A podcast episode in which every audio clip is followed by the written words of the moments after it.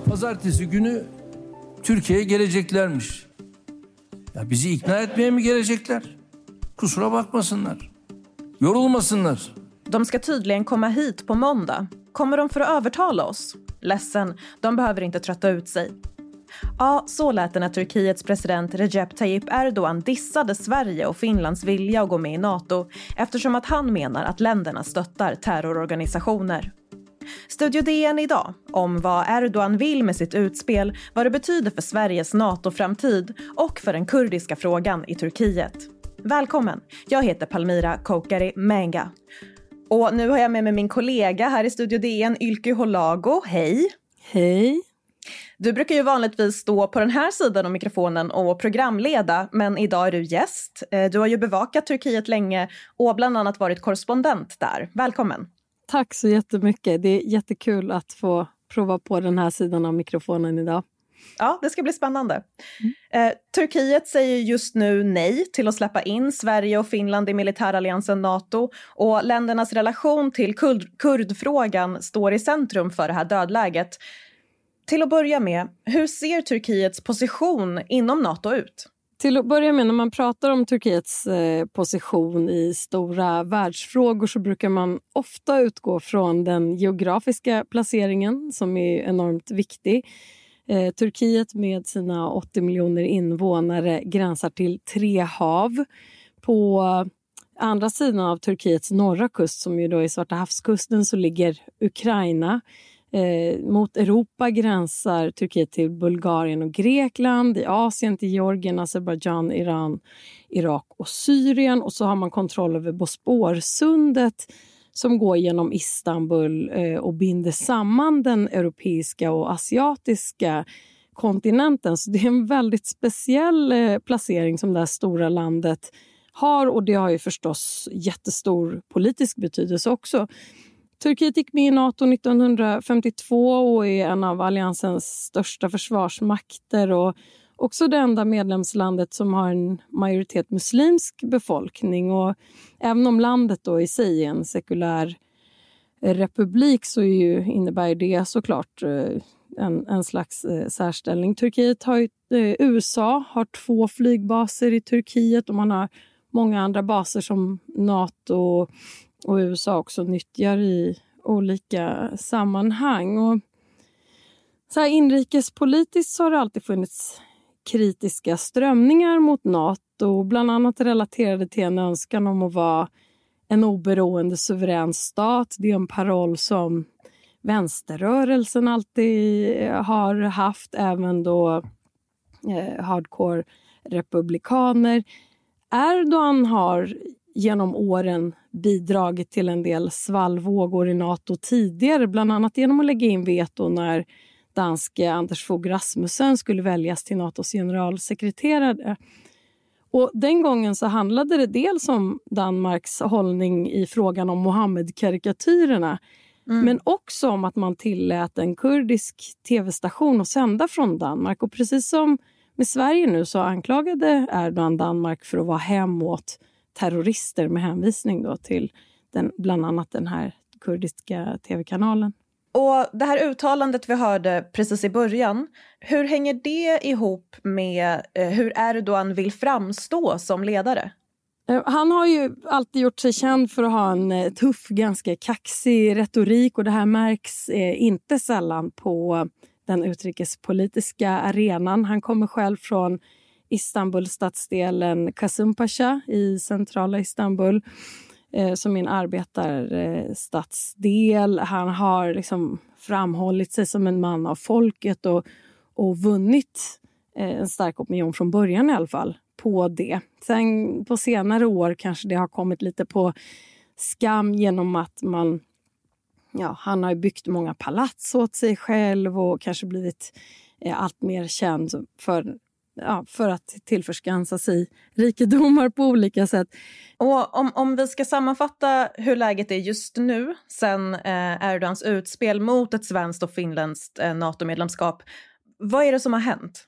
Ja, inför helgen då så stod det ju klart för oss här i Sverige att vi närmade oss eh, ett beslut om att ansöka om Nato. Vi väntade ju då på beskedet från Socialdemokraterna i, i söndags. Men redan i fredags därefter att Erdogan hade gjort sin fredagsbön så gick han ut och uttalade sig i medier och sa att han inte såg positivt på Sveriges och Finlands aspirationer eh, och att det här då handlade om att länderna hyser terrorister eh, och pekade specifikt på PKK och eh, syrisk-kurdiska YPG. Eh, många bedömare svarade då med att ja, men det skulle nog lösa sig. Ann Linde skulle till Berlin och träffa eh, Turkiets utrikesminister Mevlut Cavusoglu eh, redan på lördagen. Eh, men sen då i måndags kväll så kom ytterligare ett utspel från president Erdogan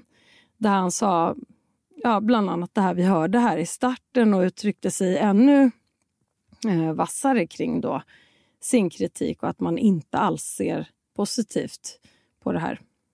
Det här med att det handlar om att han menar att Sverige eh, hyser terrorister och sådär. Vad, vad är det mer exakt som president Erdogan vänder sig emot? Det finns en, eh, en diaspora eh, bestående av kurder i Sverige där många är politiska eh, flyktingar och bland dem då så menar förmodligen Turkiet att det finns personer som man vill ha utlämnade och enligt uppgifter som har rapporterats via statliga turkiska medier så är det en lista med 33 personer där det finns eh, personer då som ska ha kopplingar till PKK men också Gülenrörelsen som är terrorklassad i, i Turkiet. Och där är man eh, Turkiet missnöjda med vilken respons man har fått på de här kraven om, om utlämnande, bland annat. Och nu pratar vi mest om Sverige här, men, men hur mycket av det här har egentligen Finland med att göra? Jag har sett eh, turkiska experter i turkisk media som säger att ja, det handlar faktiskt nog mest om Sverige, att, att Finland bara får finna sig och åka med eh, i det här. Utan det, det är Sverige man riktar in sig på enligt vad de bedömarna som jag har hört. Mm.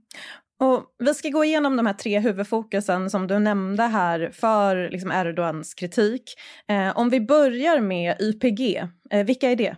YPG eh, heter på svenska då Folkets försvarsenheter och det är den beväpnade grenen av Demokratiska unionspartiet i Rojava. Och Rojava är det kurdiska namnet för syriska Kurdistan i eh, norra Syrien och det ligger alltså på gränsen till eh, Turkiet, östra Turkiet. Eh, och YPG har ju blivit väldigt kända över hela världen för att ingå i den USA-stödda koalitionen Syriens demokratiska styrkor. Eh, och de har varit väldigt, eh, ja, för att inte säga de viktigaste, den viktigaste faktorn i kriget mot eh, IS. Och många kanske minns det var ju en period när de blev eh, ja, men nästintill hypade också i modemagasin och det kom ett stort klädmärke, gjorde en serie med kläder som var inspirerade av eh, kurdiska gerilla eh, soldaters kläder och man lyfte fram de, de kvinnliga krigarna i de här styrkorna. Så att man får säga att de har vunnit någon slags eh, eh, någon del av eh, propagandakriget här. Och Turkiet är ju då eh, kritiska till YPG för att man tycker att de är alldeles för nära gränsen till Turkiet men också för att man menar att YPG är en direkt förlängning av eh, PKK eh, som vi ska prata om alldeles strax. Och det här har ju blivit ett, ett politiskt problem, inte minst efter att Turkiet själva gav sig in i norra Syrien för att strida 2016 och då också hamnade på kant med YPG som då stöds av USA. Så att eh, Turkiet och USA som allierade inom Nato hamnade på olika sidor i, i den konflikten. Eh, sen finns det ju förstås väldigt många olika turer och väldigt mycket som har hänt under de här åren. och Vi hinner inte gå igenom allt det, men i, i, kort, eh, i korthet och i all enkelhet. Så det, det var vi hinner med just det här avsnittet. Ja, det här är komplexa frågor som, som vi pratar om som så ofta. Eh, men om vi går in på PKK som du nämnde här precis och som många säkert känner igen. Eh, vad är PKK för en organisation? PKK heter på svenska Kurdistans arbetarparti eh, och nämns oftast med sin kurdiska förkortning PKK. Och det är en, en rörelse i Turkiet som är terroristklassad bland annat av Turkiet men också USA och EU. Och eh, De bildades 1978 och ja, kämpar enligt sig själva då för kulturella och politiska rättigheter för den kurdiska befolkningen i Turkiet där det finns en lång eh, historia av eh, våld och förtryck och att man inte har eh, fritt eh, kunnat utöva sitt eh, sin identitet eller tala sitt språk. Det här eh, har förändrats de senaste decennierna. Eh, man har ändrat på lagar som kringskar det här till exempel. Men det är fortfarande eh, väldigt eh, ja, men frågor som hela tiden eh, blossar upp och eh, tar plats i den eh, politiska debatten. Och eh, 1978 då när PKK bildades det var, sammanföll med en extremt turbulent tid i Turkiets politiska historia. Man hade haft en militärkupp 1971 där eh, 68-rörelsen, alltså vänsterrörelsen, stod i fokus för repressionen. Eh, det var svåra sammandrabbningar mellan högerextrema och ultranationalistiska grupperingar som ytterligare bidrog till det spända läget. Och allt det här ledde upp till eh, nästa militärkupp 1980 när läget förvärrades ännu mer. Så PKK, då, från att ha bildats 1978, 1984 så gick man över till att börja strida mot eh, turkisk militär i östra Turkiet. Eh, och det här ledde till enormt lidande. På båda sidor så har tiotusentals eh, dött. Tusentals byar har förstörts. Miljontals personer har tvingats fly till eh, andra delar av Turkiet, men också utomlands. Och bland de politiska flyktingar som har lämnat Turkiet så har en inte obetydlig del eh, fått asyl i Skandinavien och i Sverige. Och för, för många så är PKK en eh, legitim eh, frihetsrörelse men eh, faktum är att man ligger bakom en lång rad terrordåd och självmordsattacker.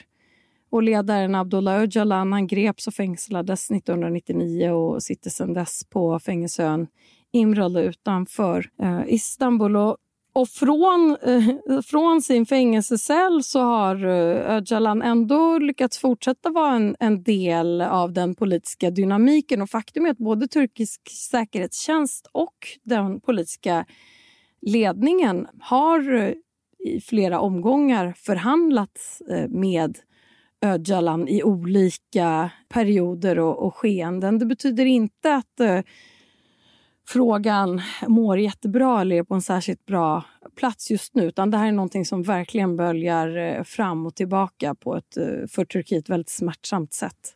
Mm. Och vad, vad händer just nu i Turkiet med just den här frågan? Det finns en ganska bred medvetenhet och uppfattning om att en lösning av den här så kallade kurdfrågan är en viktig nyckel till fred och stabilitet i eh, landet. Och eh, Många har ju sett då det prokurdiska vänsterpartiet HDP som en eh, nyckeln till nyckeln.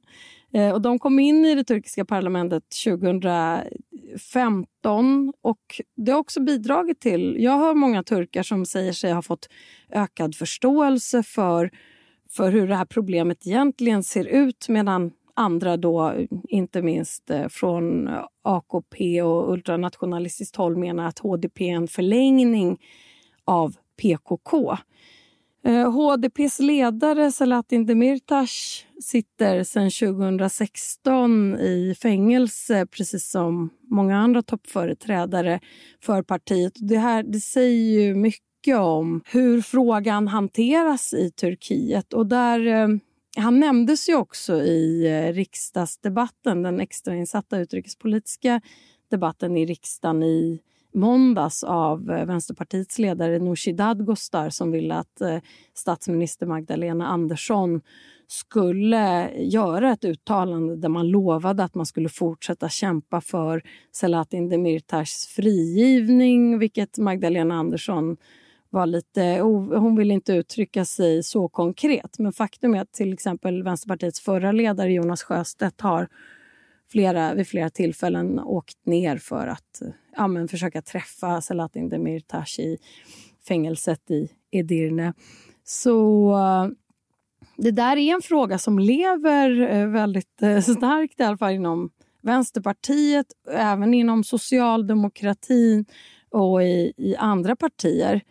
Eh, och det finns ju också svenskkurder i, i riksdagen som också är, är på, liksom där och påminner om eh, frågans existens och håller den levande hela tiden. Och Det där bidrar ju förstås också till eh, kritiken från Erdogans sida som vi har sett i rapporteringen här. Den sista organisationen eller rörelsen som, som Erdogan nämner som en, en, ett av elementen till eh, kritiken mot Sverige och Finland är Gülenrörelsen. Um, ehm, vilka är det?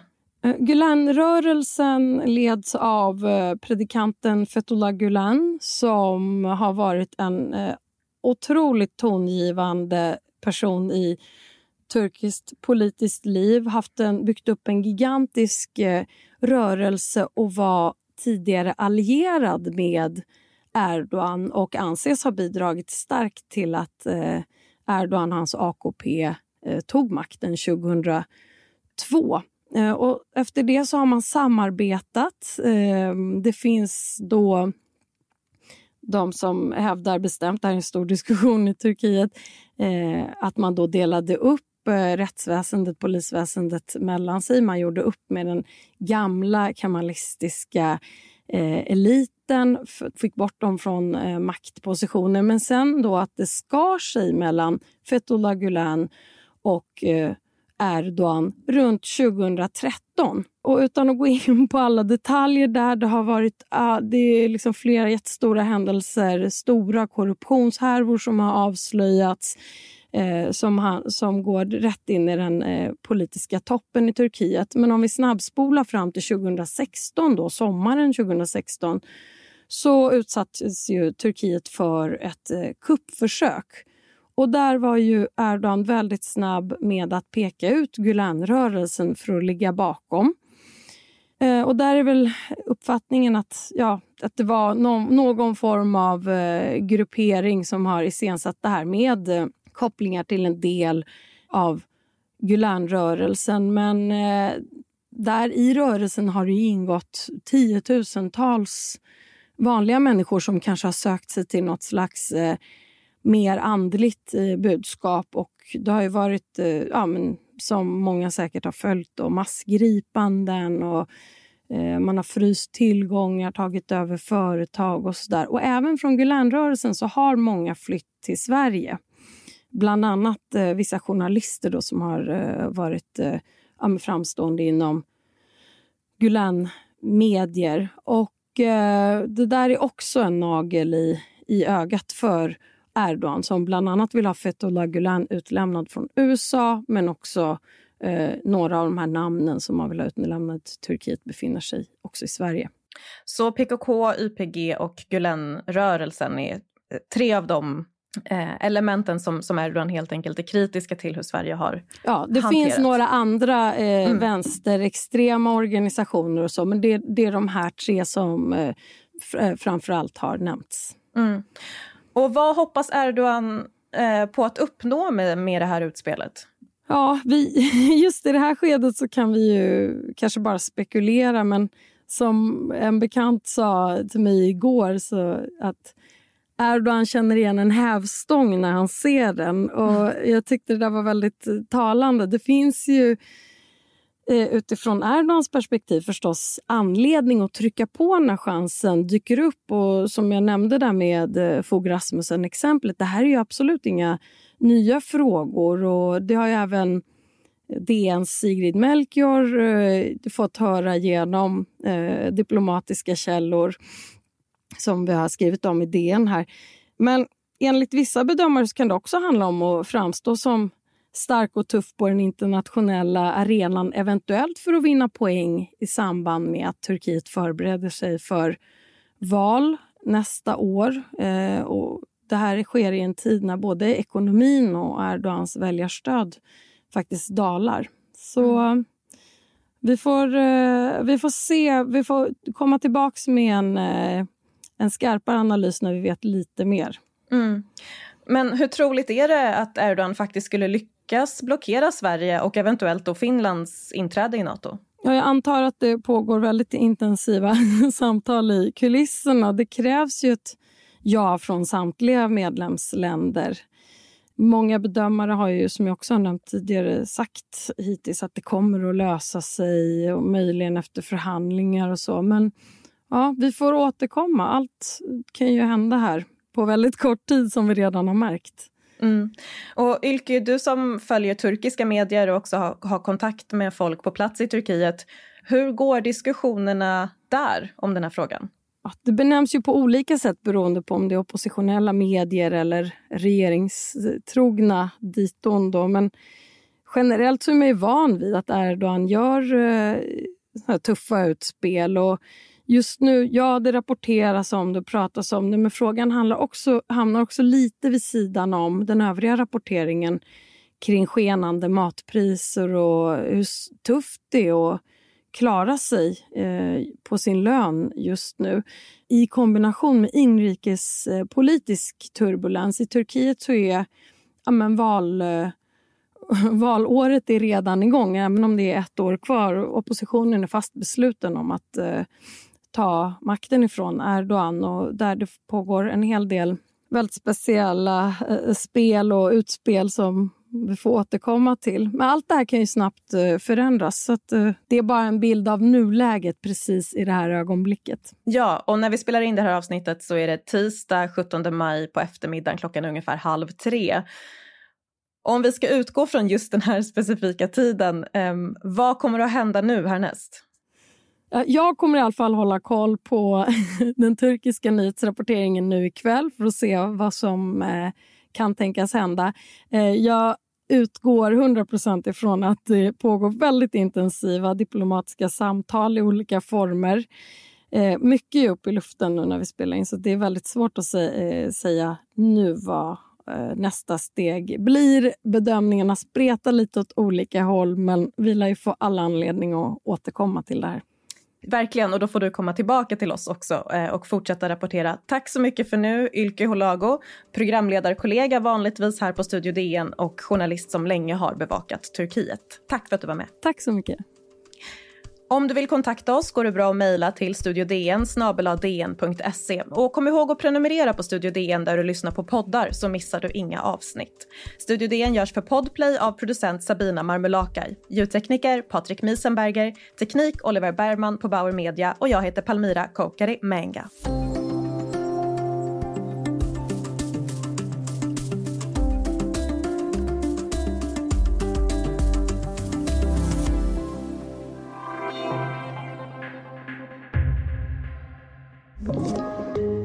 Podplay